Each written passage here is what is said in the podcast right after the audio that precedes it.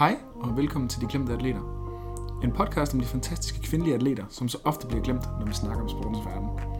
Hver episode dykker vi ned i historien om en kvindelig atlet, som vi synes, du burde kende. Deres bedrifter, deres forhindringer og de forunderlige veje, som deres liv så ofte tager. Mit navn det er Jesper, Og jeg er Trine. og vi er dine værter.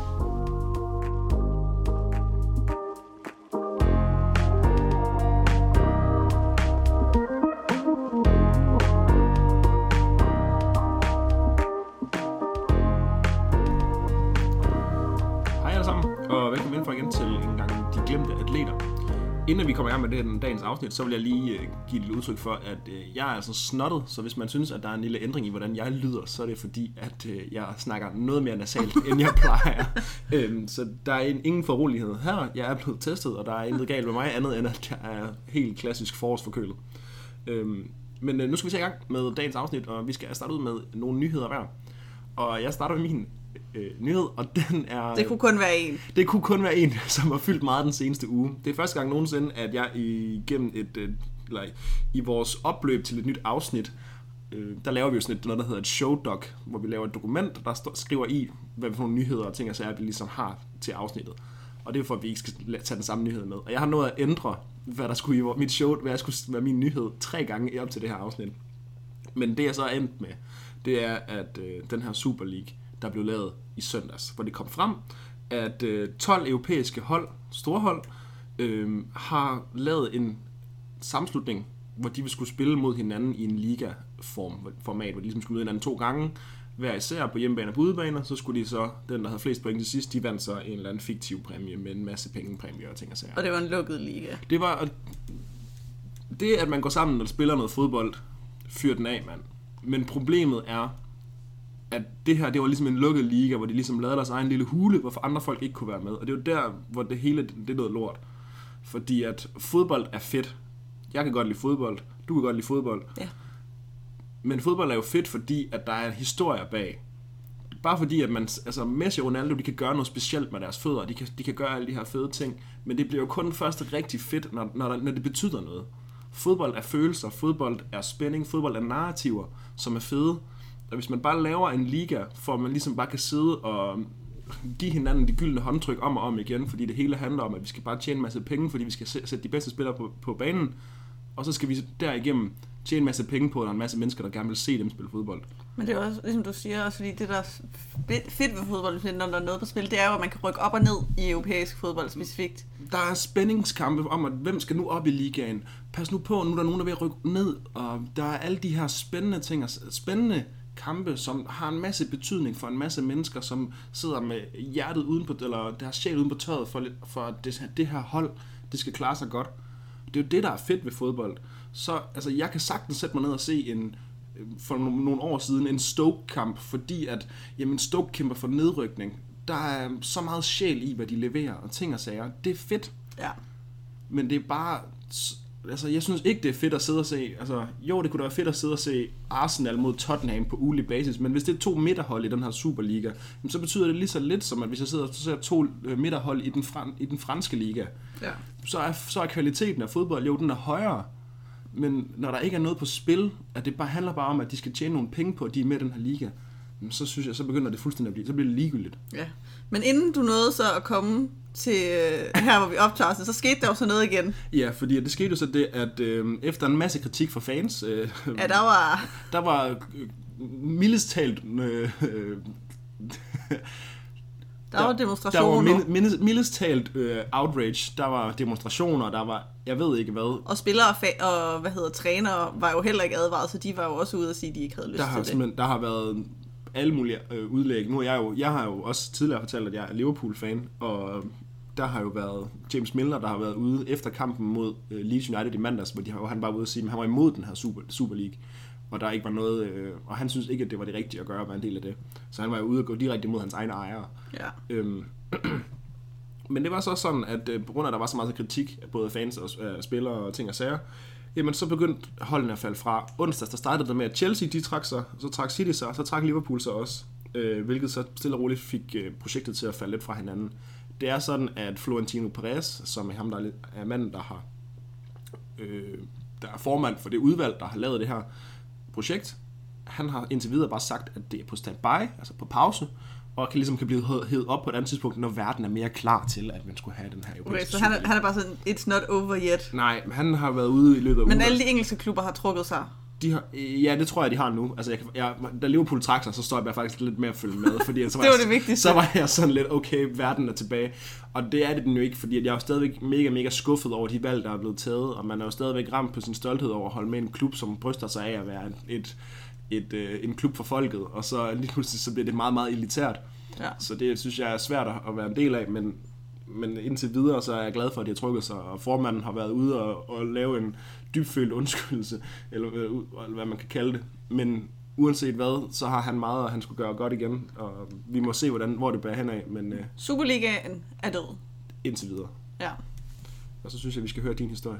Ja, Jamen, mit handler faktisk også om fodbold øh, og europæisk fodbold, men det er selvfølgelig kvindernes side. Ja, Det handler om kvindernes Champions League her for 2021, hedder det vel 2020-2021, tror jeg det hedder. ja, Øhm, og der er lige blevet øh, spillet kvartfinaler, og jeg kommer ikke til at samle op dem alle sammen, men sådan de store nyheder for kvartfinaler, som jeg lige vil snakke om, det er, at øh, Paris Saint-Germain, mm-hmm. de slog Lyon, og, og Lyon er dem, der har vundet mange år i streg. ja, præcis, dem har vi snakket lidt om før.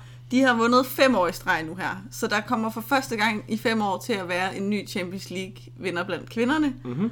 Og det er også vores egen Nadia Nadim, der spiller for øh, PSG. Ja, Så det er jo også bare dejligt at øh, se en, øh, en dansker i øh, semifinalen. helt sikkert. Jeg tror også bare, jeg, altså sådan generelt fodboldfansene, sådan, som jeg følger på Twitter og sådan noget, var bare, altså sådan, det var altid lidt fedt, altså fordi ingen, ingen kan sige, at Lyon ikke er gode og folk, men, men det er jo lidt vi, vi kedeligt. elsker alle sammen at se dynastier falde. Ja, Det er, der er noget fedt ved det, fordi at, der er aldrig noget fedt ved, at når, når det samme hold dominerer så længe, som Lyon har gjort internationalt, så bliver det også bare lidt kedeligt at, for, at forvente. Altså man, man, man forventer jo bare, at de sådan siger, Nå, nu vandt Lyon igen.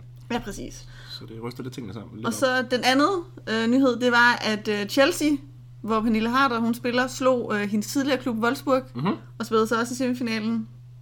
Hun scorede endda også et mål. Og øh, ja, så de fortsætter storform. Altså jeg vil sige, øh, jeg har fulgt lidt med øh, med Chelsea mest, fordi at øh, Viaplay har, øh, hvad hedder det, den hedder jo så også Women's Super League, den, den engelske, hvad hedder liga. Jeg har, der har været mange jokes på min Twitter om sådan, there's only one Super League. ja. Øhm, og der har jeg fulgt lidt med, der havde de også lige den her uge spillet topopgør med Manchester City, øhm, som var en rigtig fremragende kamp. Okay. Øhm, men øh, så jeg kan, fores- altså, jeg kan foreslå folk, at hvis I er lidt bedre over herresiden, så øh, kan I se noget kvittefodbold. Se noget kedeligt. øh, og fordi også i den dur, så er semifinalerne starter nu her, og det er faktisk, øh, når I hører det her afsnit, så er det i aften, at den første er, at øh, det er PSG mod øh, Barcelona, og det er Chelsea mod øh, Bayern München. Og øh, det bliver spændende at se. Forhåbentlig håber jeg, jeg hæver på PSG og på Chelsea, fordi jeg håber på, at jeg kan få øh, to danskere i finalen. Ja, Øhm, men altså, den danske vinkel. Det håber vi jo altid på. det håber vi altid på. Der er vi jo. meget, for, meget forudsigelige. ja. Men det var min nyhed. Fedt. Jamen øh, lad os så komme til den gode historie.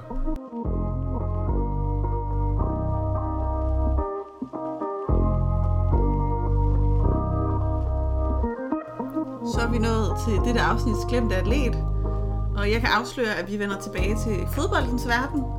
Vi skal snakke om en øh, kvindelig fodboldspiller, som øh, ofte ses, øh, når man laver top 10 lister over de bedste kvindelige fodboldspillere nogensinde. Men det var faktisk også en spiller, som jeg ikke kendte så meget til. Ja. Øh, hun hedder Sun Wen, Ja. og hun er øh, en kinesisk fodboldspiller. Okay. Ja. Jeg synes egentlig, det var lidt interessant at prøve noget nyt, for jeg synes øh, generelt, når jeg researcher til de her afsnit mm. øh, af glemte atleter, så er det jo ikke, fordi det flyder med kvil, altså sådan kildemateriale, vil jeg sige. Nej. Det kan generelt være lidt svært at finde noget godt, og det er især svært at finde noget, som ikke er centreret omkring USA og England, fordi at det skal jo være kilder, jeg kan læse, kan vi sige. Ja. Så det er, hvad skal man sige, på dansk og engelsk det skal være, og der findes der ofte meget lidt eller meget tyndt om atleter, som for eksempel er fra Asien eller Sydamerika eller andre steder. Selvfølgelig med undtagelser. Ja. Øhm, så det er i hvert fald noget af det, jeg tænker over, når jeg vælger. Så tænker jeg, nu vil jeg prøve at bevæge mig lidt øh, over øh, i Kina og snakke om Sun Wen. Prøve at brede det lidt ud mm-hmm. og lære noget nyt. Jeg vil sige, det er jo også ofte det her med de her øh, afsnit der. Jeg lærer også noget nyt samtidig. Ja. Så nu synes jeg, vi skal dykke Det gør jeg også. det gør du også, ja. Det er det, der er formålet. Ja. Men altså så også bare for at sige, at øh, jeg synes, sådan en historie er rigtig god, men jeg vil også ønske, der var mere. Altså, det kan jeg allerede godt sige nu. Okay. Der er nogle af de der detaljer, som der findes i kildemateriale, hvor der er jo skrevet hele bøger. Altså, vil sige det, der er mange bøger om sådan noget kvindelige øh, fodboldspillere, som jeg efterhånden har gravet sammen til de her ting, som jeg bare læser i. Og jeg vil sige, der er måske per bog, så er der et portræt af 15 amerikanske kvindelige fodboldspillere. I Ja. dem alle sammen. Ja. Og jeg ved godt, at også amerikanerne de har domineret kvindefodbolden, men altså sådan, jeg har fundet en ud af de bøger, hvor der var et portræt af Sun Wen, i forhold, i, og hun er i top 10 af de bedste nogensinde. Ja. Så det, det kan man også godt sådan... Der er lidt en skævvridning i, at det bliver meget vestligt øh, orienteret. Ja, det er helt sikkert. Ja, men øh, vi prøver her, så kan vi øh, samle nogle af kilderne her, så hvis man gerne vil lære mere om Sun Wen, så kan man i hvert fald lytte til det her afsnit. Og vi graver tilbage. Hun er født den 4. april i 1973 i Shanghai, Kina. Hun er født ind i en arbejderklassefamilie. Hun begyndte at spille fodbold som 9-årig, bare i øh, sådan idrætstimen i skolen. Helt Ja. ja. almindeligt. Det var faktisk øh, hendes far, som øh, han var selv bare sådan en, der nød at spille fodbold i sin fritid. Han var ikke noget stort talent. Men han så også meget den kinesiske herreliga, og der begyndte han at øh, tage Sun Wen med. Og øh, så fik de den interesse sammen. Det var faktisk ham, der opfordrede hende til at begynde at, at spille fodbold. Mm-hmm. Og på det her tidspunkt, og også egentlig stadigvæk i Kina, der er er der et citat her fra Sun Wen, der siger, fodbold øh, er ikke særlig populært for kvinder. Aktiviteten for de fleste kvinder er at danse eller spille klaver. Øh, og hun sagde, at der var dog et klaver i hendes hjem, men øh, det var ikke noget, hun lærte, hun spille. Hun brugte det mest til at spille mur op af. øhm, så hun sagde, altså, sådan, hun, fik, hun kom ofte i problemer, når hun var i nærheden af en fodbold. Okay. Men det var ikke sådan øh, helt normen. Det blev ikke... Igen, vi, det, det er de, mange af de samme ting, vi tror Det er et tilbagevendende tema. Det er lige meget, hvor vi er i verden. Ja. Øh, så ligner det det samme. Det er jo det samme, også vi snakkede i afsnittet om Martha, fordi det er det samme her, at øh, det blev ikke set som feminint eller ordentligt for en pige at spille fodbold, så hun oplevede også, at folk i nabolaget grinede af hende og Ja. pegede fingre og gjorde nar, når hun spillede, og hun oplevede også at blive kaldt for en, sådan, øh, en falsk dreng. Grinte Okay, de. ja. Men det var faktisk sådan, hendes far opmuntrede hendes gudskelov, okay. Okay. så sådan, og sagde, at han synes bare, hun skulle, øh, skulle blive ved med at spille. Ja. Men øh, det er det der med, at øh, ideen om, at sport er maskulint, og noget, som er upassende for kvinder, den, øh, den holder ved lige meget, hvor vi er i verden. Jamen, den, den er ligesom et... Ja. Lad os håbe, at det er noget, der vender. Øh, eller er vendt, og som vi snakker om, fordi at Altså, det er noget, der ligesom, mange af de atleter, som du også har, har taget op, det er også, de kommer meget fra den samme tid. Så det er nok en tid, der har passet meget hen over hele kloden på det her tidspunkt, og der var der, var der måske et, øh, hvad kan man sige, en, en måde var på, at man så hjemmet på, hvor kvinden havde en plads, og manden havde en plads, og hvad der var mandligt, og hvad der var øh, feminint. ja. Og det har måske ikke bare kun været noget, der var vestligt, men også været Ja, over ja, det hele. jeg tænker meget, at det er jo globalt. Ja. Øhm, ja, ja, for det er jo også, det er jo bare, vi snakkede om det kvindelandsholdet i Danmark, det var det samme, det var også i 70'erne, hvor vi, en, hvor vi ikke fik lov til at spille fodbold og ikke kunne være med. Præcis, så jeg, så, så, Så jeg er tænker, at det er, det er et sign of the times, mere end det er et sign of, hvor vi er henne. Ja, ja, præcis. Det er ikke geogra- geografisk bestemt overhovedet. Altså Nej. selvfølgelig har det nok nogle kulturelle, specifikke ting, man måske tænker til Kina, men igen, meget det går igen. Øhm, jeg vil så sige, jeg tror ligesom du ret, der er nogle ting, der har ændret sig, men så er der også noget, altså selv i Danmark var det blevet bedre, at der er jo så stadigvæk nogle andre ting om, hvad der er mandligt, eller hvad der, hvad kvindelige atleter burde være. Der er jo stadigvæk også en idé om, at de så skal være pæne, mens de spiller Ja, ja. og alt muligt. Nå, det er et sidespor. Men øhm, ja, Sunen, hun øh, bliver så også, øh, hvad skal man sige, sådan lidt spottet, eller scoutet. Mm-hmm. Der, som 13-årig, der bliver hun øh, udtaget til sådan en øh, sportsskole. Det er noget, der er i Kina. Der er meget øh, af deres sport er organiseret under skolesystemet. Så forestil dig lidt sådan en, øh, en kostskole Mm-hmm. for sport, hvor det var meget svært. Det var sådan øh, meget lille nøglehul, hun skulle øh, igennem Ja. men blev udtaget til. Men det betød så også, at hun faktisk skulle flytte hjemmefra. Ja. Som øh, ret ung, altså 13-årig, der boede, den her skole var ikke i nærheden af, af Shanghai. Nej. Så det var noget af en omvæltning. Hun beskriver det selv som om, at hun var meget genert, og hun var meget øh, intimideret af alle de andre øh, hvad skal man sige, børn og unge på den her skole. Ja.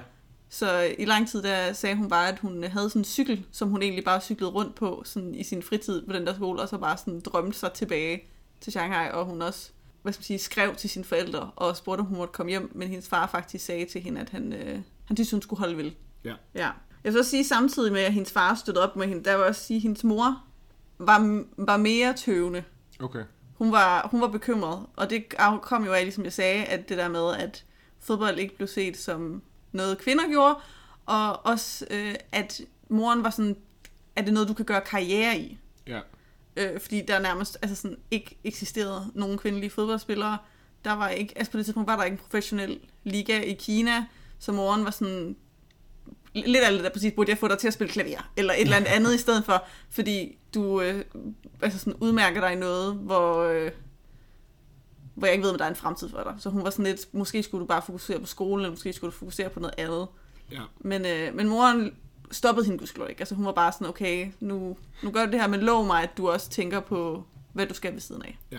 Og så som øh, 14-årig faktisk på det, hun er på det her akademi, vil jeg så sige, Sunen, hun skal også have noget viljestyrke. Som 14-årig, der har hun faktisk en træner, ikke?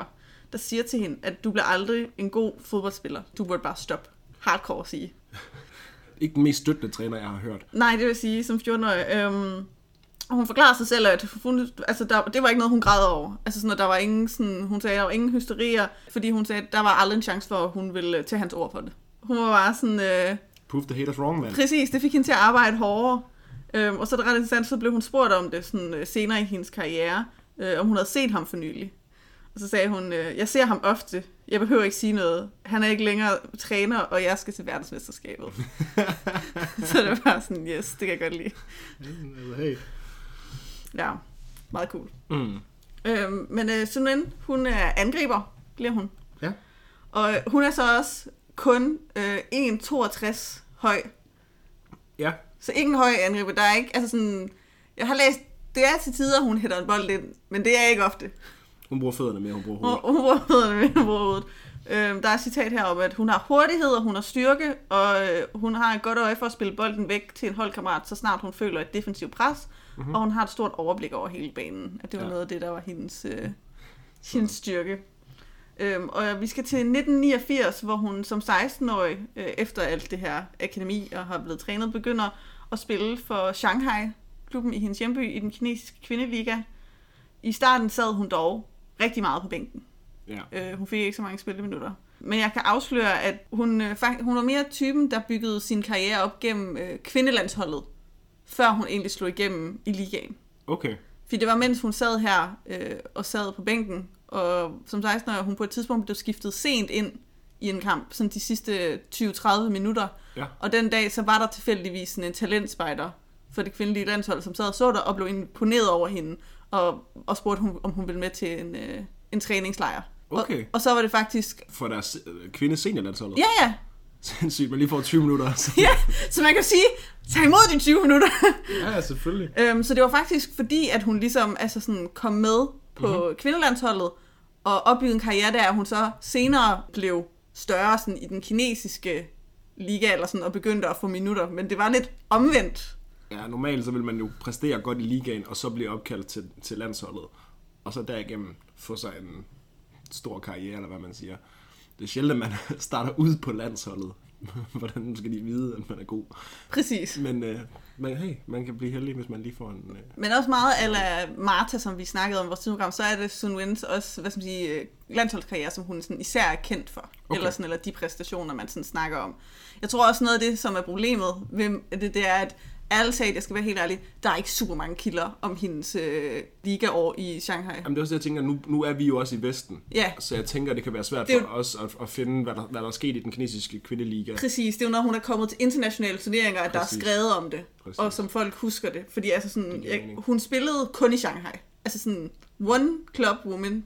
Sådan. Øh, hun havde en kort tid, hvor hun lige, hvor jeg kommer ind på, hvor hun var et andet sted i udlandet, men ellers så, når hun var i Kina, spillede hun kun for Shanghai. Men det er jo det, som man godt kan lide, når man har hjertet i fodbold. Det der med, at når der er en, der holder sig til et hold, og bare er, at det hold, øh, ved jeg det, until I die, det, det er det, man godt kan lide i fodbold. Altså, sådan, jeg er jo Liverpool-mand, man holder sådan nogen som, som Steven Gerrard, dem holder man jo højt, fordi at de har bevist sig øh, meget værd for klubben. Ja. Jamen, øh, det var øh, sådan helt klart. Øhm, Ja. Jeg vil så sige, jeg ved ikke, hvor mange hold der var, eller sådan, der var ikke super mange hold at vælge imellem. Altså, den kinesiske kvindeliga er ikke super stor. Nej, okay. Så, så det, det var sådan, hun kunne selvfølgelig have skiftet, men det, er altså sådan, mange tider varierer det mellem sådan noget 8 eller 10 hold. Ja, okay. Men jeg, jeg laver lige sådan igen, altså sådan øh, en lidt en opsummering af hendes, øh, hvad skal man sige, ligatid i øh, Kina, fordi ligesom du siger, jeg har ikke super meget at, øh, at fortælle om det. Nej. Øh, hun spiller som sagt kun for Shanghai. Først spiller hun der fra øh, 89 til år 2000. Mhm. Og så bagefter fra 2003 til 2006, hvor hun ligesom stopper hendes karriere. Øh, og hun har vundet, hvad skal man sige, titlen med Shanghai syv gange. Okay. Så altså, sådan, de klarer sig ret godt. Sådan Det er 98, 0, 01, 03 til 06. Okay. Okay. Så også op i hendes senere år. Ja. Men altså, mens hun spillede her som 16-årig for Shanghai, der, øh, som sagt, hendes mor havde sagt til hende, jeg tror stadig ikke helt på det her fodbold noget, så du skal gøre noget ved siden af. Så simpelthen hun begyndte at studere øh, kinesisk litteratur Ja. ved siden af på universitetet, Okay. øh, University of Shanghai. Øhm, og hun kalder sig, hun kalder sig selv øh, en romantiker. Ja. Jeg vil sige, hun er meget øh, kunstnerisk. Altså det, hun øh, sådan forklarer, hun synger meget, hun læ- læser sådan litteratur og poesi. Og så skriver hun faktisk. Hun er også sådan lidt øh, sådan digter ved siden af. Okay. Øh, hun er særlig solgt af sådan et digt, hun har fået offentliggjort sådan i en kinesisk avis, men altså sådan, ellers så er det ikke, hun er ikke sådan en, der sådan udgiver bøger, altså det er noget, hun holder for sig selv, men hun udgav også et digt på et tidspunkt i forbindelse med OL i Sydney, hvor. Okay. det sådan handlede om det, og hvor der var en linje, som hed, kom piger, vent ikke med at følge dine drømme. Jeg synes, det var meget sødt. så sådan, øh, hun er sådan lidt en kunstnerisk sjæl sammen, samtidig med, at hun spiller fodbold. Så det gør hun der, mens hun er 16-17, og så er det jo så, at hun får sin debut for seniorlandsholdet som 17-årig i 1990. Som sagt, efter hun var blevet øh, scoutet ud på 30 minutter. Og så allerede øh, i 1991, der bliver det første VM nogensinde, altså det officielle VM nogensinde for kvindefodbolden arrangeret. Ja. Og der, får hun, der er hun med som Okay. 18-årig Mhm. øh, til det første VM, og det bliver holdt i Kina. Okay. Hun havde ikke fortalt hendes familie, hun var blevet udtaget. Nej. Øh, hun, der, ja, der står ikke helt, hvad hendes logik i var at holde det hemmeligt. Nej. Øh, men det var sådan, at hendes familie sad og så hende på national tv, der, der du ved, var sådan, hvad fanden? du ved, Det er min datter. det er min datter. Øhm, fordi at, øh, der spillede hun åbningskampen mod Norge. Det var foran øh, 65.000 tilskuere. Og Norge var faktisk en af favoritterne i turneringen, men Kina, de tædede dem 4-0. Okay. Ret godt klaret. Altid stærkt lige at slå nogle af favoritterne 4-0. Ja, og Kina kom så også hele vejen til kvartfinalen, hvor de så tabte 1-0 til Sverige. Men altså ret solidt. Mhm. Også fordi, at altså, Kina var ret uprøvet i forhold til nogle af de andre. Ja. Hun sagde, at hendes forældre havde dog ikke sådan den store reaktion. selvom, selvom de så hende på tv, så efterfølgende den, den her turnering. Hun sagde sådan, de var glade for at se mig gøre fremskridt. Og så blev de sådan spurgt, sådan, sagde de, at de var stolte af det, og så var hun sådan, kinesiske forældre siger ikke, de er stolte. så, så det er ikke fordi, der sådan har været sådan, du har været til VM, wow. Det var sådan rimelig underspillet. Du spillede foran 65.000 mennesker. Hvorfor var det ikke 90? Ja, præcis. Det var sådan rimelig underspillet. Og så er det så, øh, at det hendes internationale karriere egentlig ruller. Det er det, vi dykker ind i nu. Okay. At det næste, det er OL i Atlanta Mhm. mm-hmm. i 1996, hvor hun er øh, 23 år. Det er første gang, at øh, kvindefodbolden øh, er på øh, OL-programmet. Og der er det kin- kinesiske kvindefodboldhold, der, de er i gruppe med Danmark, Sverige og USA. Okay. De slår Danmark og Sverige og står uafgjort med USA. Okay. Ret godt klaret. De har en målscore på 7-1, Det er rimelig imponerende. der var kun et mål ind. Og så øh, kommer de øh, i semifinalen Ja. og øh, slår Brasilien 3-2 i semifinalen. Så de er on a run, spiller sig i den olympiske finale som 23-årige, hvor de dog må se sig slået af USA 2-1 i finalen. Så ven, hun scorer Kinas ene mål. Det er et ret fremragende mål. Det er noget af det eneste, jeg vil sige, der er ikke mange clips af hende. Nej. noget af det eneste, du kan finde på YouTube. Det er det mål af hende, hvor øh, der er simpelthen en langbold, hun løber op, og så lopper den over målmanden Stærkt. fremragende mål. Øhm, så de vandt en sølvmedalje, olympisk sølvmedalje, som 23-årige. Ja. Og var også her, altså så begyndte der Bliv noget hype. noget hype, altså ikke voldsomt, vil jeg sige. det er ikke fordi, at kvindefodbolden bliver så, men så begynder man at være sådan, okay, De kommer ikke på forsiden af Sports Illustrated. nej, nej, og det er heller ikke sådan, der er store parader i Kina, men, men folk er sådan, wow, også fordi øh, det kinesiske herrelandshold er ikke særlig godt. Nej. Så det er som sige, de får shine. Jeg kan ikke mindes, at det kinesiske herrelandshold har været sådan op i, Altså, det i kan jeg sådan ikke ud- eliten af fodbold. Nej, altså jeg tror øhm, meget, jeg kommer også ind på det senere, men altså sådan, det eneste gang, ting, jeg har læst om herrelandsholdet i forbindelse med research det her, det er, at de ikke er særlig gode, og at altså sådan, kvinderne og dem bliver ofte sådan lidt positioniseret i forhold til hinanden. Okay. Men, øh, men ja, så øh, der har hun sin første internationale titel. Så kommer vi op, øh, og det, jeg vil sige, det er også her i 90'erne, at kinesisk kvindefodbold, de sådan piker, altså eller har sin storhedstid. Okay. Fordi så har vi, øh, der skal være VM i USA i 1999. Ja. Og det er, hvad man sige, på mange måder, hvis man følger kvindefodbolden, så er det noget af det, der kaldes den store gennembrud. Især okay. også i USA. Altså sådan, det var der, at øh, det virkelig slog igennem. Men der var en opvarmningsturnering, der hed Algarve, Algarve Cup. Ja, det, ja, det, du kigger spørgende på mig, jeg ved Ja, det. nej, det er Algarve Cup. Okay. Øh, I 1990, som var en opvarmningsturnering til VM. Og der er Kina med. Og de, øh, i sin puljekamp, det er sådan en, øh, hvad hedder det, round robin, du ved, hvor man er i to puljer. Ja. Og så spiller man mod alle, og så er det etteren for hver pulje, som så kommer i en finale. Så, sådan meget, Sindssygt. så meget kort og godt, altså står jeg mener. Så er det sådan ud fra rangeringen i din puljekamp, så bliver du ligesom en bronze, altså sådan en finale bronze, eller sådan, Ja. Sindssygt. ja. Og de spiller øh, deres puljekampe, slår Danmark, Portugal og Australien. Altså Danmark, hver gang vi er nævnt i de her historier, så er det bare os, der får fucking tæv. Vi kan, ikke, vi kan ikke slå Kina. Nej, men det, jeg synes, det var det samme, dengang vi snakkede, både snakkede om øh, USA og sådan Brasilien, så var det altid sådan, de slog Danmark. Nå, øhm, og kommer så, får førstepladsen, og øh, Okay. okay. kommer jo så i finalen, Ja. hvor de møder USA, som har vundet sin gruppe. Ja. Og der slår de faktisk USA 2-1 i finalen. Det er... Og hvad med vores øh, hovedperson? Am- Hun scorer desværre ikke. Nej. Men, øh, men det er første gang, Kina slår dem, i, Ja.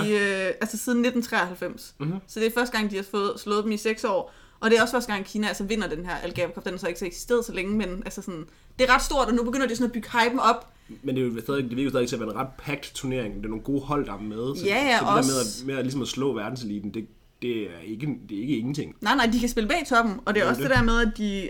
USA er jo favoritterne. De har jo lige slået, altså de har vundet øh, OL-guldet, så det er jo også Præcis. hypen op til VM, er at sådan, nå, Kina er ret gode. Og jeg vil sige, det er sjovt, fordi meget, når jeg, alle, alle kitterne for den her tid, ikke? størstedelen af dem, er jo alle sammen fra USA's perspektiv. Mm. Fordi det her, det er sådan deres øh, mytologi. Altså sådan deres sådan origin story omkring amerikansk kvindefodbold den her tid. Og der er det jo bare sjovt, fordi der er det jo Kina, der sådan er skurkerne. Altså forstår jeg mener? Der er det sådan noget, nu havde vi en chip on our shoulder, du ved, fordi vi tabte til dem, så nu skulle vi vise til VM, at Ja. vi kunne slå Kina. Altså forstår jeg mener? Mm. Så det er sådan, der er desværre ikke mange sådan dybe indsigter i, hvordan Kina så det, eller hvordan Sun Wen altså sådan oplevede det. Det er meget sådan, amerikaniseret og drejet. ja ja, altså det er jo for deres vinkler, hvad det betød for deres fodboldspil. Det er mange af de kilder, jeg kan finde. Ja. Der, der kan godt være, der eksisterer nogen på kinesisk, som jeg ikke kan læse, det håber jeg. Det Øh. øh. der garanteret. Men øhm, så ja, de øh, skal spille VM, også i USA, Ja. i 1999. Hun er 26 år gammel på det tidspunkt. Jeg vil så sige, at øh, trods alt den her succes, så får Kina, eller det kinesiske kvindelandshold, meget lidt støtte for deres hjemland. Okay. Det er blandt andet, at sådan, de her fik ikke sådan specielt lavet uniformer, altså landsholdstrøjer. De fik bare sådan herrenes. Altså sådan nogle mat, som de så skulle spille i. Så de var for store? Ja, ja, altså sådan, det var bare sådan, øh, det er det, du får, så får du en small herre. Altså jeg vil så sige, det er heller ikke, altså jeg mindes altså også, det var indtil for nylig, at det danske kvindelandshold egentlig også bare havde herrenes design. Altså forstår du, hvad jeg mener? Ja. Jamen, det tror jeg, jeg tror, de har kørt samme design hen over det hele. Ja, hvor det også først nu, at man er sådan, okay, nu laver vi rent faktisk sådan en trøje En kvinde, tror jeg. til jer. Ja. Så det er jo ikke sådan helt unormalt. Ah, nej. I gruppespillet, der spiller de mod Sverige, Ghana og Australien. Og øh, tæver dem alle sammen med en målscore på 12 til 2. De er vilde for de der svensker igen. Det må de, fået hånd. det må de håndtere nu. Ja, det må man sige. Godt. Øh, Sun Wen, hun scorer hat mod Ghana. Sådan. Yes. Og hun scorer også to mål, mål mod Australien. Og det er, f- Fem mål i gruppespillet. ja, Sådan. og det var også på trods af, at hun bliver hvilet i meget af kampene. Hun bliver hvilet i alle de 43 minutter over de tre øh, rundekampe, fordi hun ligesom er, er stjernen. Så hun går ind, scorer de her mål, bliver hævet ud. Sådan. Så altså, sådan, altså sådan, er en af stjernerne til det VM her. Hun bliver hyped. Så det, øh, det må man da sige. kommer de videre helt til semifinalen, hvor de møder Norge igen. Stakkels Norge. Okay. Øh, fordi det sidste VM, vi snakkede, eller ikke, eller sådan, det var ikke helt sidste, men det første VM, de slår Norge 5-0. 5-0. Så, så værre end sidst. Så hvad er den sidste det? Øh, og Norge er også ikke et dårligt hold, vil jeg gerne sige, men det er åbenbart bare deres kryptonit. Sagde du ikke lige, de var kommet i semifinalen? Jo jo, så det er det. så det kan jo ikke være helt skidt, men Nej, så bank 5-0. Øh, og Sun Wen, hun scorer to mål Ja. i, øh, i semifinalen. Og med det her, så bliver de også det første, øh, første asiatiske hold til at nå en finale. VM-finalen. Ja, ja, ja, altså sådan, det, var det, jeg mente. Ja. Ja. VM-finale. Mhm. Og så er det jo, at slaget står mod USA. Ja, selvfølgelig er det USA. Det er selvfølgelig USA på deres hjemmebane.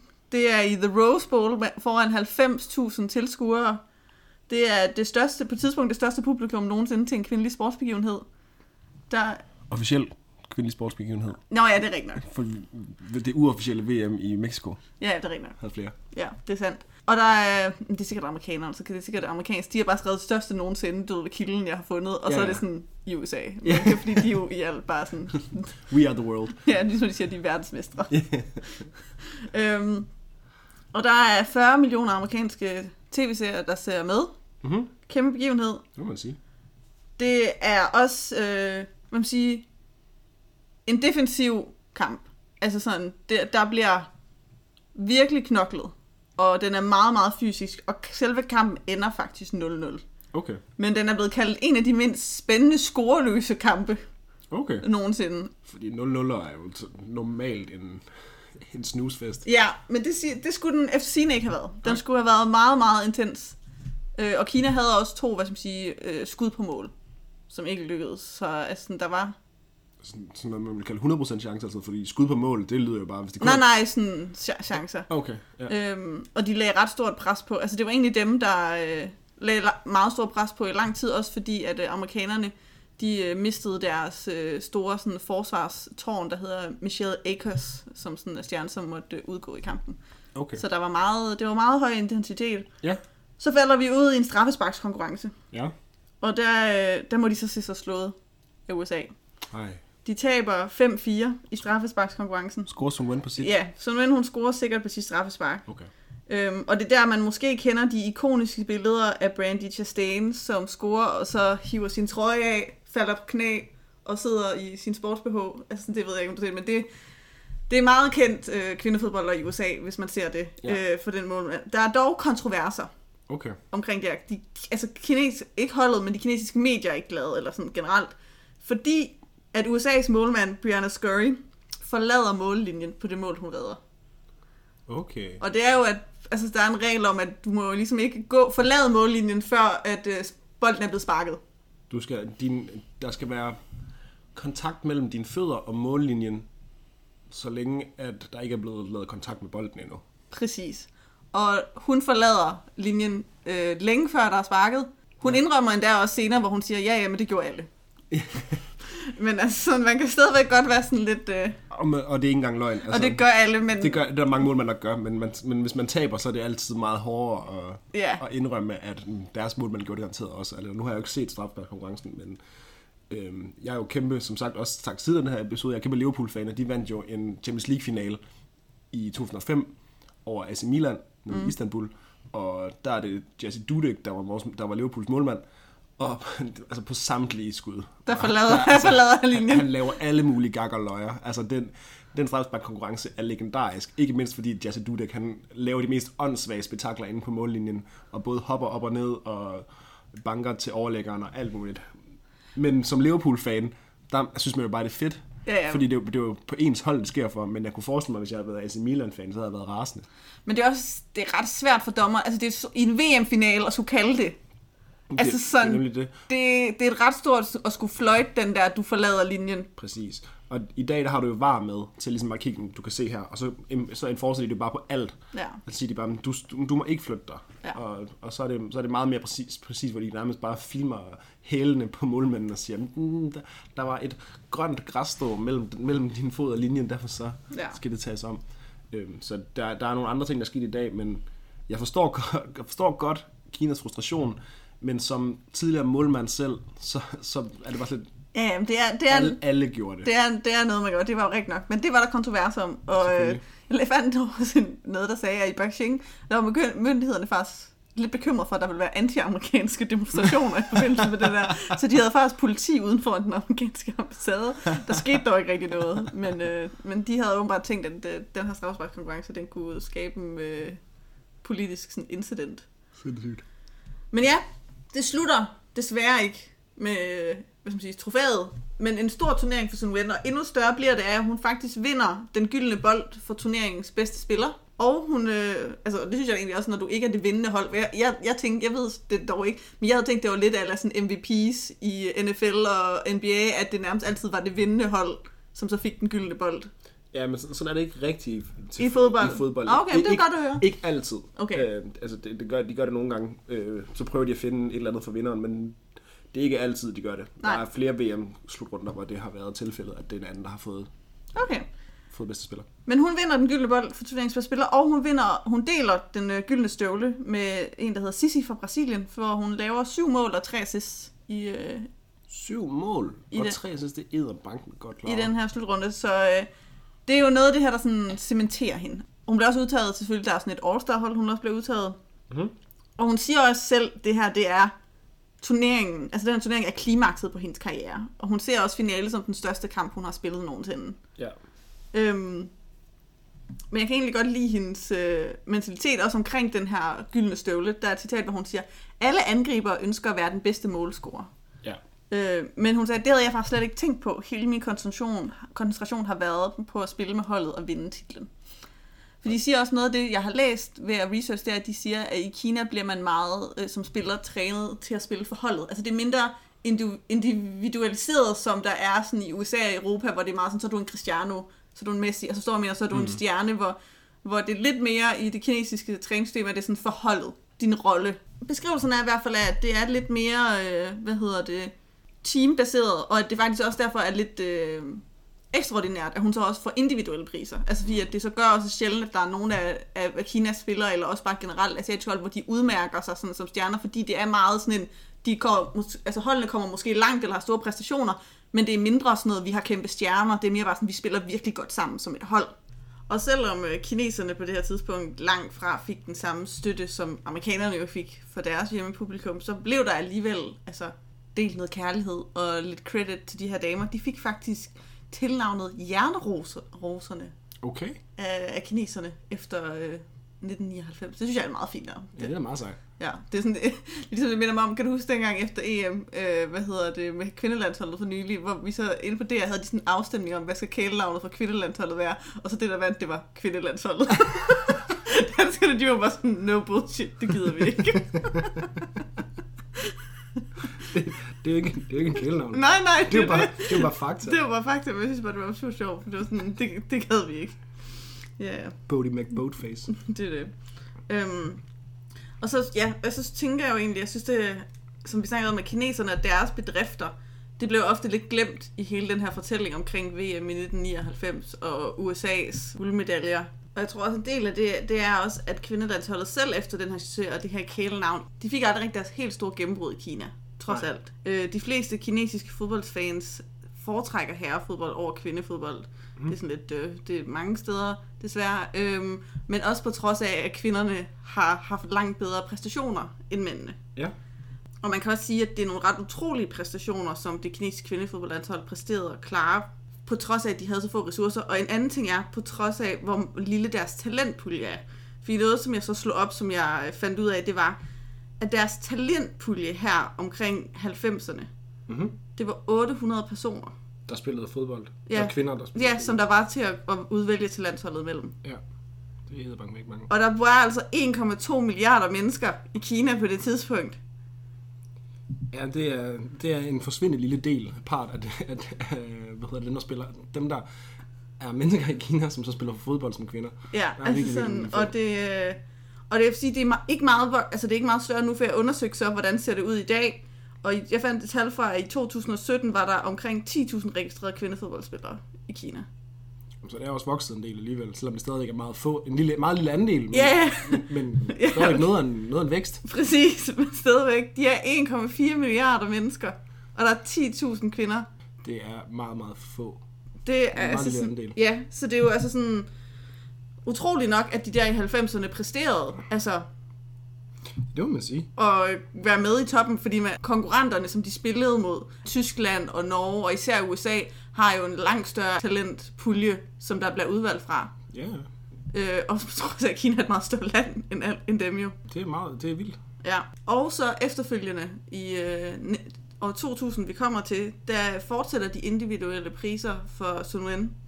I år 2000, der bliver hun kåret til FIFA Female Player of the Century, sammen med Michelle Akers, som er den amerikanske forspiller, den deler de. Okay, sejt. Ja, så bliver hun, øh, så bliver, og så bliver hun samme år også den første kvinde nogensinde til at vinde Asian Football Player of the Year. Så det vil sige, altså sådan Okay. over mænd også, altså Ja, som, ja. som blev nomineret. Det var en blandet pris. Det var en blandet pris. Ret øh, godt gået af Sun Det må man sige. Hun blev så også efterfølgende her rekrutteret til øh, den øh, nyopståede amerikanske liga, som kommer i kølvandet på øh, succesen mm-hmm. fra VM i 1999. Mm-hmm. Så øh, den hedder Women's United Soccer Association, den her liga.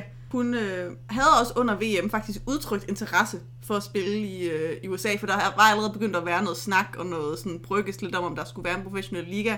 Og der var hun egentlig blevet spurgt om, der havde sagt, at hun var interesseret i at spille i USA, fordi hun specifikt havde sagt, at det kunne gøre, at hun øh, fik nogle flere ressourcer og havde mulighed for at udvikle sig på en måde, hun ikke havde i, øh, i den kinesiske kvindeliga. Ja.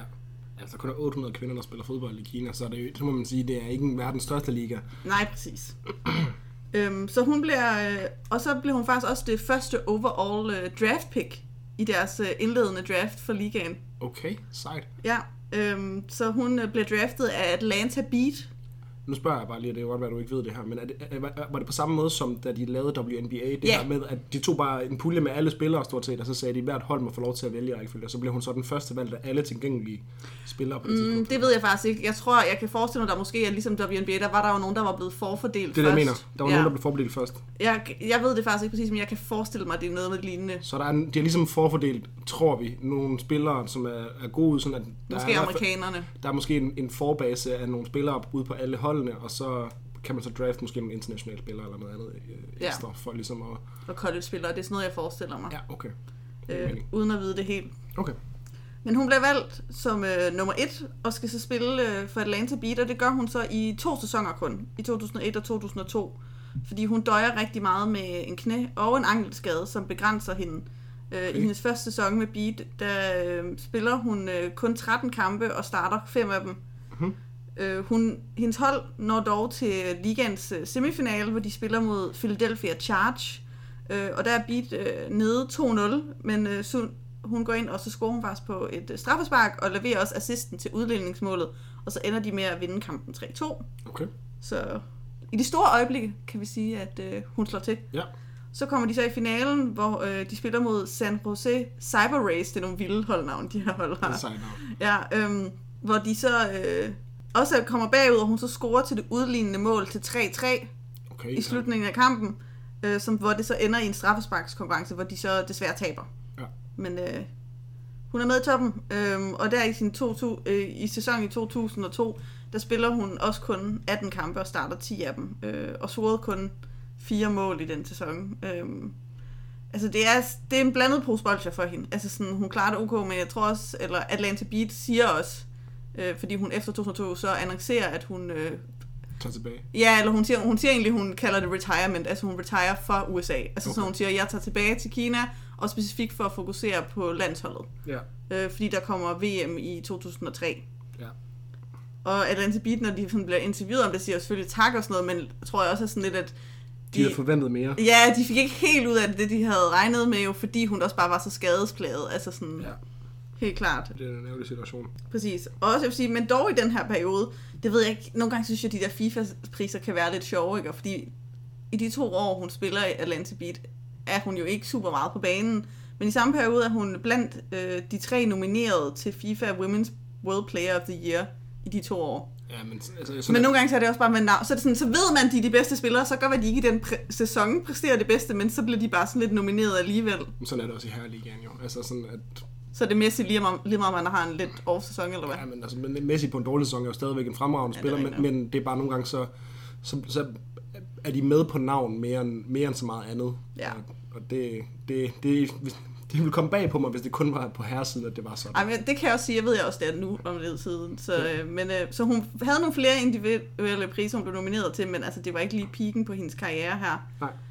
Hun tager tilbage øh, til Kina, og øh, det, altså begynder, hun spiller jo så for Shanghai igen, og de når over at vinde et par mesterskaber igen der. Men det er jo egentlig landsholdet, hun vender tilbage til, men de kan desværre ikke helt fastholde deres momentum, som de havde i slut 90'erne. Øh, til sommer-OL i år 2000, der er de øh, udtaget i samme gruppe som USA og Norge, to mm-hmm. af de klare favoritter, og det betyder så, at de bliver slået ud af gruppespillet. Altså, de spiller 1-1 med USA og taber 2-1 til Norge. Øhm, Okay. og, og det er nok til, at der kun er to. Så slår de til Nigeria, altså de slår Nigeria, du ved, sådan bundholdet. Så er du lige tabt til Norge. Jeg, Ja. jeg, troede, de havde, jeg troede, de havde krammet på nogen. Ja, vi troede, Hvad sker der? Det er for dårligt. Ja. Chokerende. øh, og slog så Nigeria, som sådan var, hvad skal man sige, dem, som alle ligesom regnede med at slå i puljen. Men øh, Ja. så, hvad skal man sige, momentummet holdt ikke ved. Nej. Øhm, og i VM i 2003, øh, det er igen faktisk i USA. Det skulle have været Kina, øh, men på grund af udbrud af SARS. Den, øh, der var jo lidt ulmen omkring en pandemi på det tidspunkt. Ja. Kan vi sidde her i år 2000 og kigge tilbage på. Øhm, men det betød så, at man, var, man flyttede øh, verdensskabet med kort varsel til USA. Ja, det var nok klogt. Ja, øhm, og der spillede de så med. Kina øh, var i pulje med Australien, Ghana og Rusland, og Mhm. vinder sin pulje. Hun, øh, Sun Wen, hun scorer mod Ghana igen. Hun har også krammet på Ghana, må man sige. Ja, det må man sige. Så tager de, øh, når de til kvartfinalen, hvor de øh, møder Canada. Mm. Og der taber de faktisk ret overraskende 1-0 til Canada. Øh, det er ret tidligt i øh, kampen, at Canada får sat mål ind, og så hvad man sige, parkerer de ligesom bare bussen og får holdt øh, kineserne væk. Ja. Og det er stet som en af de største opsæt sådan, i sådan kvinde-VM-historien, fordi Canada havde aldrig nået så langt på det tidspunkt. Øh, og hvad skal man sige, Kina havde jo ligesom været, de har været et powerhouse nu. de havde været et powerhouse. Øhm, Sun Wen, hun var tæt på at udligne, da hun satte et frispark på overliggeren, men øh, det lykkedes ikke. Ja. Og så, øh, så er det jo, at så begynder det desværre at gå, gå lidt ned ad bakke for øh, det kinesiske kvindelandshold her. Det er også her, at øh, Sun Wen, hun i 2006 annoncerer sit øh, karrierestop som 33-årig. Så er det. Hun har så også Træls. kæmpet rigtig meget. Ja, men hun har, hun har kæmpet meget med skader. Hvis hun allerede var meget skadet i nogle i hendes sæsoner i USA, så Ja. er det nok ikke blevet vildt meget bedre til. Præcis. Hun kæmpede fortsat med skader. Øhm, jeg kan sige sådan, hun endte med at score øh, 16 mål over 28 kampe, som så er fordelt på to OL'er og fire verdensmesterskaber. Og hun startede og spillede alle kampe for Kina. Okay. Øhm, så hvad skal man sige, hun havde en flot international eller landsholdskarriere, Mhm. mm-hmm. på trods med, at øh, man kan tænke, at hun kunne have nået meget mere, hvis øh, både det kinesiske landshold kunne have holdt momentet op, men også hvis hun kunne have holdt sig skadesfri. Hmm. Hun spillede igennem sin landsholdskarriere 163 kampe for Kina og scorede 106 mål. Det er et rigtig flot mål gennemsnit, må man sige. Det må man sige. Det, det er en del mindre for Shanghai, for der spillede hun øh, 659 kampe for Shanghai og scorede 164 mål. Okay. Så det er noget andet. Der var hun ikke lige helt så effektiv Nej, det vil sige, at, at sådan, hun, hun excellerede på landsholdet. på landsholdet. Ja. Så det var karrierestoppet, som alligevel en relativt ung alder. Jeg tænker, jeg lige vil snakke lidt om øh, det kinesiske kvindefodboldhold. Jeg vil sige, det er, jo, det er jo lidt ligesom Dennis Drømmedal. Han var også altid god for lige at lave en, at knalde en bold ind i, ind i skærmen på Jon Dahl på landsholdet, men var også måske lidt mere middelmåde i, klub, i klubfodbold. Ja, Så ikke at han er lige så legendarisk, men, så, så, så, så, ej, jeg føler, det er lidt fornærmende. Men men altså, med danske briller, så er Dennis Drømmedal, der, hvor, vi, hvor vi været uden ham? hvor vi været uden ham. Ja, men jeg tænker lige vil øh, runde lidt af, også lige med at snakke om, hvor den kine, kin- kinesiske kvindefodbold, øh, den øh, ligesom også, Sun Wen efterlod den, Ja. efter hun, øh, hun øh, stoppede. Fordi ligesom sagde, så faldt niveauet jo øh, i starten af nullerne. De havde helt klart deres største succes i 90'erne. Ja. Og noget af det, som hun nåede også lige at være med til slutningen af, som øh, faktisk gjorde, at de lidt knækkede nakken, det var, at de til sommer-OL i 2004, der taber de 8-0 til Tyskland. Oh, Og det gør faktisk, at den øh, kinesiske fodboldfederation fuldstændig skærer deres budget. Det bliver kaldt sådan uh, the last breath of, Chinese women's football. ja, i hvert fald landsholdet. At Ja. så så man det som sådan en, uh, nu er deres storhedstid over, vi behøver ikke investere flere penge i dem. Jeg tænker også, det kan være en af grundene til, at Sun Wen måske stoppede, da hun gjorde. Ja. Øhm, så det, altså sådan, deres minimale ressourcer blev endnu mindre. Det blev endnu færre. Ja, Okay. altså jeg vil sige, det er jo den dag i dag, de er stadigvæk øh, rangeret i top 20 af FIFA. De er nummer 14 Ja. i verden lige nu af landsholdene. Så det er jo stadigvæk sådan overall ok. Men de bare sjældent med i toppen. Øh, fordi for eksempel i 2019, øh, der top, tabte de øh, 2-0 i, hvad er det, er det simpelthen 16, når det er... 16 finale, det kan man godt Ja, 16-delsfinalen, øh, som er deres dårligste resultat i nogle af de syv VM'er, som de har, har deltaget i. Så de er ikke længere en af de der sådan, ste, helt store hold i verden. Nej. Og faktisk heller ikke i Asien. Altså, fordi der er jo mange sådan nogle regionale turneringer. Der er også noget Asian Cup og Asian Games, som de også, det nævnte jeg jo engang, men i Sun, Sun Wens tid, altså også vandt en del af dem. Ja. Jeg tror, hun har sådan noget 8, øh, nej, der er sådan noget 6 øh, Asian Cup trofæer og 3 øh, Asian Games, som jo sådan lidt er et asiatisk OL. Ja. Øhm, så Eller den, den pandangen til EM, så Ja. har de jo også en mesterskab for Ja, Asien. præcis. Det gik altså sådan stødt ned ad bakke for dem. Ja. Og de er bare ikke, de bliver ikke tænkt som toppen længere. Øhm, og jeg tror også, at øh, meget af det, jeg har læst om det, det er, at fans eller tilhængere af kvindefodbolden i Kina, de er i stigende grad altså sådan bekymret for, hvad der sker med den. Også fordi, at noget af det, som vi snakker om tidligere, som er problemet med det kinesiske system, det er, at de jo ikke har fået etableret den her fødekæde. Altså Ja. den langsigtede udvikling. Fordi at talentpuljen er så lille, så når, der var jo den her gyldne generation, Ja. som Sun var en del af, som så alle, alle sammen altså gik på pension, og så var der jo ikke rigtig noget. De fik ligesom ikke øh, draget nytte af det her, det her boom, som det har været, når der ligesom var så meget synlighed for det her landshold, som klarede sig så godt. Det er jo det, man skal være god til at sørge for at få nye unge Ja. øh, piger ind, der spiller masser af fodbold. Nu kan jeg også se, at der har været en stor vækst. Så, Altså at gå fra 800 til 10.000, det er ikke en lille vækst, men Nej. når du har en, en, rekreation, en, en rekrutteringsflade, der hedder, øh, hvis der er 1,3 milliarder kinesere, så må jeg sige halvdelen af, af, Ja. af, af kvinder, jamen så har du alligevel over 600 millioner kvinder, som du kan tage af, og så er der måske ikke alle, der kan... Nej, nej, der, men- men, men det er stadigvæk... altså, ret godt. Du har rigtig mange mennesker, som du kan tage af, eller som du er eventuelt mulighed for at rekruttere til at deltage i din sport. Og nu ved jeg godt, at fodbold ikke er det, der ligger højst på agendaen i, i Kina. De går meget op i... Altså, de siger jo sjovt nok, at det er faktisk en af sådan, top 3 mest populære, selv herresporten, selvom de ikke har særlig stor succes, er det noget af det, som sådan, altså sådan, der bliver Mm, set mest som, men det er bare ikke, synligheden til kvinderne var der ikke, og selv heller ikke dengang, de havde succes. nej, men der er, jo, der, er jo, der er jo masser af penge i den kinesiske herreliga i hvert Ja. fald. Der er jo tit, eller tit, der er jo en, en imellem en kæmpe transfer, der sker, hvor der er et øh, stort navn for europæisk fodbold, der, der flytter til Kina, fordi at han får en eller anden vanvittig kontrakt, Ja. hvor han så kan sidde sine dage og, og spille den kinesiske liga og tjene kassen. Det er der flere eksempler på. Ja. Øh, Så det er jo ikke fordi, de mangler penge, men man kan sige, deres niveau har bare aldrig været internationalt. Nej, det har det ikke, og det er jo det, man kan tænke, hvad der kunne have været, også fordi, tænk hvis de havde vundet VM i 1999. Altså sådan, hvad det kunne have givet for et boom, men også bare, hvis de selv, det at de ikke vandt, hvis de, altså den kinesiske fodboldfederation havde, Ikke havde skåret det ja, og også bare, senere hen. Ja, det er jo virkelig, altså fem år efter, at de så skærer dem fu- fuldstændig jo. Så det er jo det der med at øh, tænke langsigtigt, det er der ikke blevet gjort. Og så vil jeg sige noget af det, som jeg også fandt ud af, det er, at i Kina er sport, i hvert fald øh, for børn og unge, meget tiden bundet op på skolesystemet. Det er ligesom hun sagde, du ved, hvor det var en kostskole, man kommer ind på, eller universiteter og sådan noget der. Og faktisk er der ingen af Kinas seks største sådan, sportsuniversiteter, der har et kvindefodboldhold. Det er jo et problem. Og så, så læste jeg så, at der er en undersøgelse, de havde lavet øh, her for et par år tilbage, hvor de øh, havde spurgt forældre til sådan piger, der var omkring gymnasiealderen. Øh, hvor de sådan spurgte dem, om de havde lyst til, at deres øh, piger gik til fodbold. Og sagde 40 procent, at de ikke mente, at fodbold var en passende sport for piger. Så der er jo, altså de siger, altså, ja ja, men de siger bare, altså det er jo, Vi, vi Det er bare ikke kommet videre. Nej, nej, det er noget, der er noget kultur. kultur om, at det er ikke passende, altså sådan for piger. Og jeg tror måske, noget af det siger de så også i den artikel, jeg læste, var måske selvfølgelig også ideen om, at det ikke er feminint, men de sagde også, at noget af det er, at øh, de ved godt, at der ikke er en karriere i det. Så hvorfor skulle jeg, altså sådan, det er ikke passende for min datter at rende rundt og spille fodbold, fordi hvad skal hun så blive til? Ja. Altså fordi der er ikke nogen, øh, Der er ikke nok penge i fodbold. nej, men der er jo ikke, hun kan ikke få en karriere og sådan noget. Så de siger, at det er jo sådan en blanding af ting. Ja, fordi at der er jo masser af andre sportsgrene i Kina, som hvis hun, hvis hun virkelig er dygtig atletisk, Ja, badminton, så lav en, så få en karriere inden for en, en af de Ja. sportsgrene, hvor Kina excellerer. præcis. Ja. Så, altså, så lidt- selv efter Sun Wen er der langt at, at komme. Og der, jeg tror også noget af det, jeg læste om, desværre, øh, er det, at når kvindelandsholdet så bliver hævet frem, og deres bedrifter, så er det ofte sådan, et forsøg på at håne de mandlige fodboldspillere. Eller, kvind, eller, eller herrelandsholdet mangel på bedrifter. Altså forstår du, hvad jeg mener? Ja. Så bliver det ofte for, at når mændene så får høje lønne, eller landsholdet så igen fejler i at kvalificere sig til et eller andet, så er det kun der, man hiver, at der så bliver sagt sådan lidt trods i, ah, så burde vi bare give pengene til kvinderne i stedet for.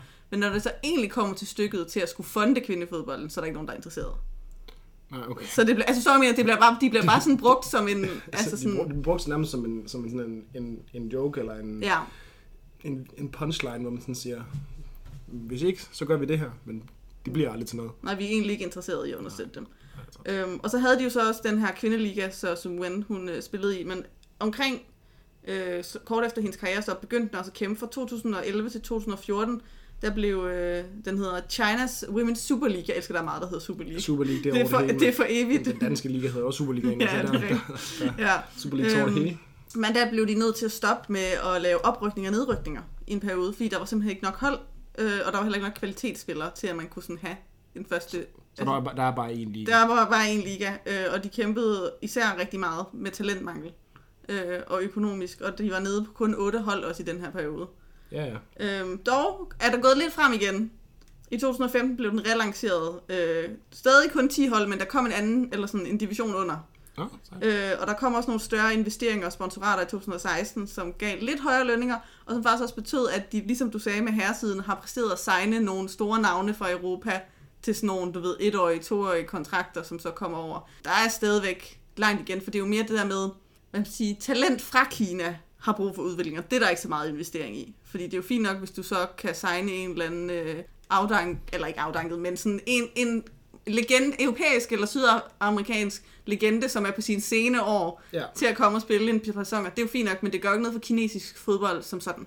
Det eneste, man ligesom kan tænke det på, det er, altså fordi at det, nej, det er jo åbenlyst den kortsigtede øh, vej, men man kan jo så sige, at det der med at få navne ind, kan nogle gange give noget publicity, og ja. så give, måske på den vej hen ad give noget andet, og give nogle folk nogle øjne på, der så kan give nogle eventuelle sponsorater på et senere tidspunkt. Så man kan, man kan vende den begge veje, men så længe man ikke investerer i øh, ungdommen, og ikke øh, investerer i alle talenterne, der kommer op, og sørger for at prøve at, at sætte den brede, så man får et større rekrutteringsflade og en større mulighed for at få flere folk ind i sporten, jamen så, så, er, det, så er det lige meget at bruge millioner på de store navne. Og nu når jeg så apropos havde sat scenen for alt det her med øh, Kina, der kæmper med udvikling af kvindelige talenter, så, hører, tager vi jo lige tilbage til episodens hovedperson, Sun Wen. Fordi at øh, hun efter sit karrierestop arbejder i periode både lidt i journalistik og lidt i reklamebranchen. Og, men så vender hun tilbage til fodbolden. Hun bliver ansat øh, som hvad skal man sige, leder eller direktør for kvindernes ungdomsudvikling i den øh, kinesiske fodboldfederation, eller Ja, sejt. tænker jeg er meget passende. Og der er hun så i, øh, i nogle år, så i 2019, der bliver hun så valgt som vicepræsident for den kinesiske fodboldfederation. Så hun, er, hvad skal man sige, Hun er gået ind i politik i forhold til øh, at prøve at få, et, få det kinesiske fodboldforbund, ja, kvindefodboldforbund, til jamen det er jo fod- fodboldforbundet generelt, men jo bare få dem til at vide, at kvinderne eksisterer, og at de skal have nogle at give dem, ressourcer. nogle, give dem nogle penge, man. Ja. Show them the money. Så det er sådan, der findes en del, eller ikke en del, men øh, nogle citater fra de senere år i den position, hvor hun jo sådan snakker om det nu, hvor hun jo også siger det der med, at resten af verden i kvindefodbolden har udviklet sig ret meget siden Mm. 90'erne. Altså sådan i USA og Europa, og at Kina er haltet bagud. Ja. Øh, og de har brug for flere ressourcer, også fordi hun siger, at øh, ja, de, har, de, er sådan lidt i, de er gået lidt i stå, og de skal tænke innovativt og skubber lidt på. Det er jo så ikke sket så meget endnu, men øh, vi tror på, at Sun Wen, hun, øh, hun øh, fører skuden, og forhåbentlig ser de nogle udviklinger. Det kunne da være fedt. Jo flere, man kan få ind, jo, jo flere unge kvind, piger, man kan få ind og spille fodbold, eller nogen sport overhovedet, jo federe, og så handler det om at få noget ungdomstalentudvikling ind, så man kan få det højeste kvalitet, så vi kan få flere øjne på kvindesport. Ja, jeg elsker det de samme øh, pointer, vi altid Det sidder er altid det samme pointe. Men det er fordi, det, Men- men- det, er det samme i alt. Men det er fordi, det er altid det, det er ret, altså sådan, ofte så er løsningen til mange af de her problemer egentlig så simpel.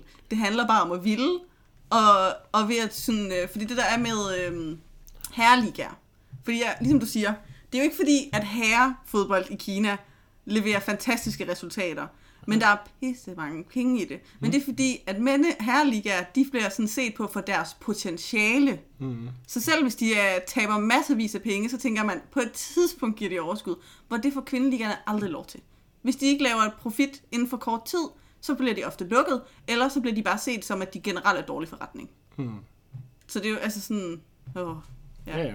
Jamen det, og den har vi... Den, Den kan vi tage igen. Det har, har vi jo hørt 100 gange, men øhm, ja, vi må øh, krydse fingre for, at, øh, at øh, der kommer nogle flere penge i øh, den kinesiske kvindeliga, eller i alle kvindeligaer, så vi sådan mere, flere øjne, så kan det godt tjene penge. Det er i hvert fald det, som forskning siger. Ja, det er det. Øh, og det er jo så historien om uh, sin ven. Uh, en atlet, som jeg ikke selv kender super meget til. Som jeg synes var lidt interessant at, at hive frem. Uh, der var ikke super mange kilder omkring hende. Jeg skulle rode rigtig meget. Og egentlig kun korte klip af hende, der spiller fodbold. Men jeg synes, at folk alligevel måske skal lige slå det op på YouTube og se. Så er der i hvert fald en uh, kinesisk fodboldspiller, man kender nu. Skal ind og se VM-målet. Ind og se VM, det synes jeg. Det vil jeg gerne se, hvor hun lige løber over målmand. Det er altid fedt at sætte op. Ja. Nå, jamen, øh, Det var afsnittet Det- Skrind der lige. tak skal du have.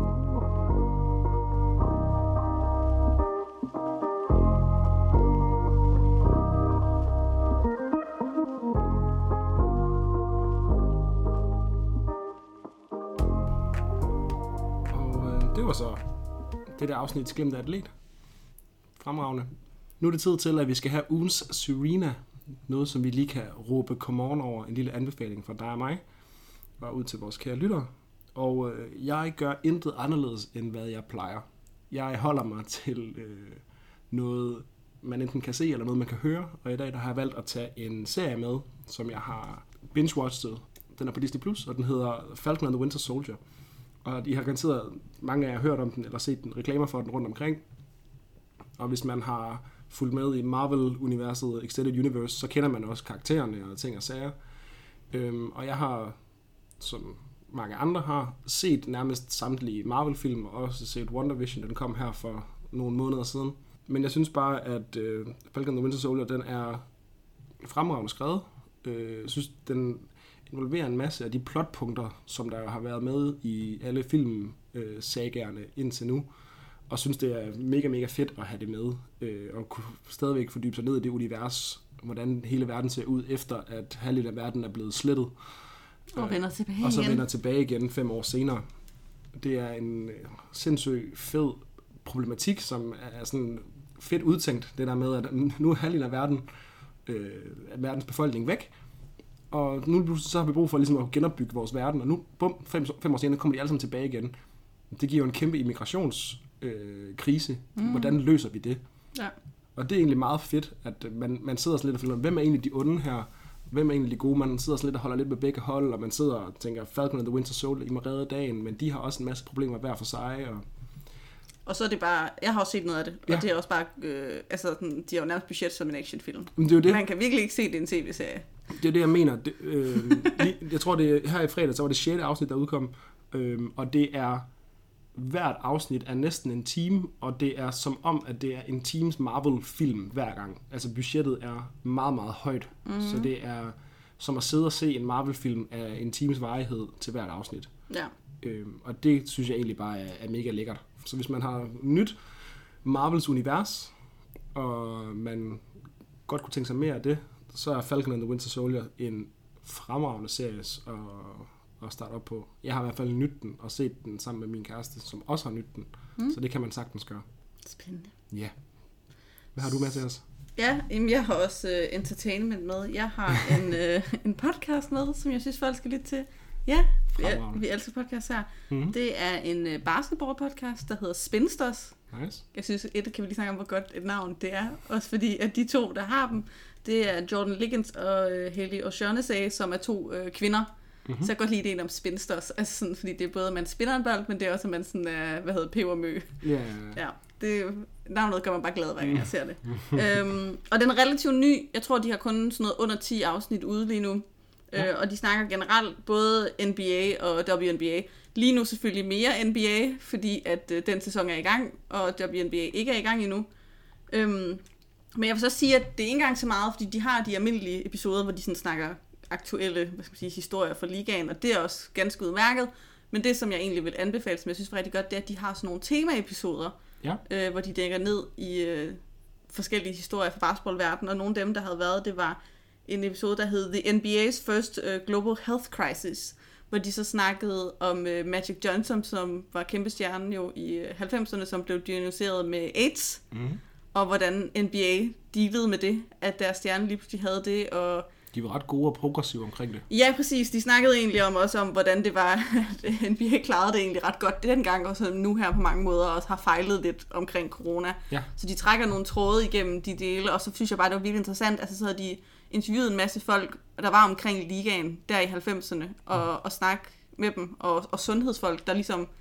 Jeg kan huske, at jeg har læst et eller andet sted det der med, at han, han var jo, han blev han var jo med til All-Star-kampen, Ja. hvor, de, hvor, hvor var det sådan, var det NBA, de tvang, eller nogle læger, der var sådan, der sådan tvang øh, holdet til ligesom at, at kramme ham. Eller ikke tvang, men det var rigtigt nok, at De der opfordrede var opfordret. Altså sådan, der var folk, det var, de prøvede at sige til dem, altså sådan, I bliver nødt til Øh, og der er sådan snak med, at der er nogen af jer, der vil give ham hånden, eller give ham et kram, fordi for også at vise, at folk på det her tidspunkt troede jo, at du ikke kunne kramme en med AIDS, så døde du. Altså sådan, det var det stigma, der var. Ja, lige præcis. Hvor det der med, at NBA kunne gå forrest ved at vise, at sådan, det var ikke farligt. Så det er helt klart, at der var meget, øh, de havde sådan noget seksualundervisning med mange af holdene, hvor de lærte den omkring AIDS og hvad det betød og alt muligt. Det kan jeg bare huske, at jeg har læst, og det synes jeg, det synes jeg bare er super, super fedt. Ja, så det afsnit, det var det ene, jeg lige ville anbefale, og så øh, vi gik lige ned den. Så er der også en rigtig, rigtig godt afsnit, der hedder øh, Why Don't People Think Women Dunk? Mhm. Som så øh, handler om, øh, ja, altså sådan ideen om øh, kvinder, der dunker, fordi det gør de jo meget mindre i, ja. øh, i professionel basket generelt. Mhm. Og så har de ligesom undersøgt, hvorfor er det, de ikke gør det, og også, hvorfor er det også, altså der er også, kvinder kan det godt. Ja, Og det er hele den der med, at ideen er ofte, at kvinder ikke bliver socialiseret til at dunke i sport. Ja. Altså sådan, det er ikke en del, at, øh, at hvad skal man sige, de får at vide, at de ikke kan dunke, så de tror, at de ikke kan dunke. Altså Ja. forstår vi, var, var noget af det. Bare tage lag oppet. Ja, ja, altså sådan, der, der er og meget mere nuanceret end det, vil jeg så sige. Jeg vil Nå. virkelig anbefale det afsnit. Der var, mange, der var mange pointer i, Okay. i det, som jeg virkelig rigtig, rigtig godt kunne lide. Øhm, så det afsnit var rigtig godt, at de har flere, øh, som jeg virkelig vil anbefale i den podcast. Nå, det vil jeg gerne høre. Så hvis man er interesseret i øh, basketball og lære noget nyt, øh, eller bare sport generelt, for jeg tror også, at hvis man ikke kender basket, men bare godt kan lide at lytte til sportspodcast, så vil det også være et lyt værd. Fedt. Det vil jeg prøve at give et lyt. Jamen, øh, vi vil runde af for den her gang, og tak fordi I lyttede med. Også til min lidt rustne stemme. Men øh, I må have det dejligt. Hej igen.